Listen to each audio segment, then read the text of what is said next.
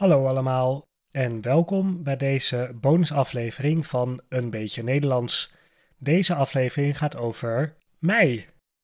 Je kan de tekst van deze aflevering meelezen op de website www.eenbeetjenederlands.nl. Sinds januari van dit jaar vertel ik jullie verhalen over de Nederlandse cultuur en interessante personen via deze podcast.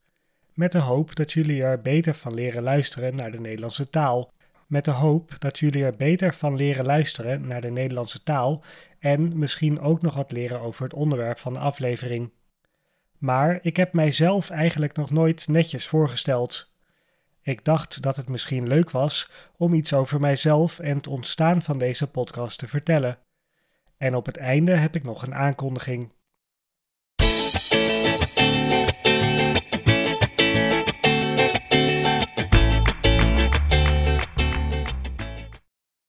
Ik heb via het Instagram-account van de podcast gevraagd wat jullie over mij willen weten.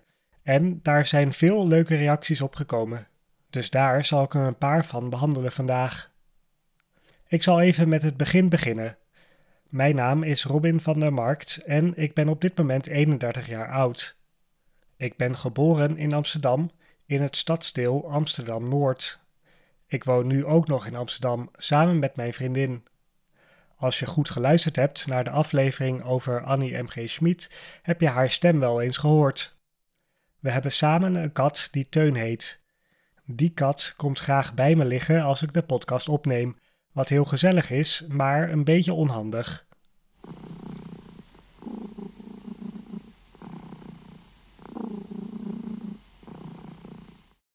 De eerste vraag komt van Afra via Instagram of ik broers of zussen heb en of we op elkaar lijken.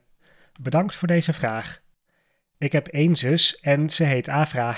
Ze heeft deze vraag namelijk zelf gesteld.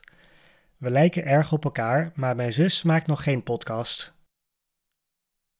Priscilla, Sabina en Beta Liberato stelden alle drie de vraag wat mijn beroep is. Ik werk in de IT als programmeur bij een klein bedrijf. Dus mijn vaste baan heeft helemaal niets met deze podcast te maken.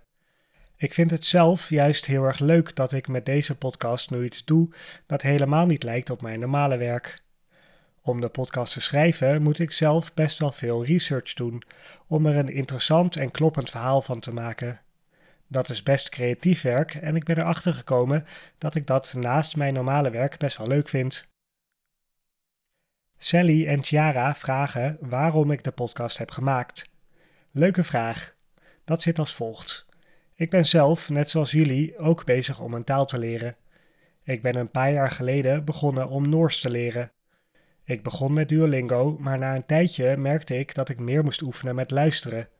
Als ik een tekst las in het Noors, snapte ik het steeds beter, maar luisteren naar gesproken Noors was nog erg moeilijk voor mij. Ik ben toen een podcast tegengekomen waarin een Noorse man vertelt over allerlei verschillende onderwerpen op een rustige, heldere manier. Klinkt het bekend? Die podcast heeft mij geïnspireerd om een soort gelijke podcast te maken, maar dan voor het Nederlands. Ik ben aan het begin van dit jaar hiermee begonnen. Dat was natuurlijk midden in de coronapandemie, waardoor ik s'avonds veel tijd over had. Het leek me al langer leuk om iets te doen voor mensen die Nederlands proberen te leren, en dat is dus deze podcast geworden. Volgende vraag. Ahmad vroeg of ik officieel leraar ben of dat deze podcast alleen een hobby is. Het antwoord daarop is dat ik geen leraar ben, dus deze podcast is inderdaad een hobby. Ik doe dit naast mijn normale werk.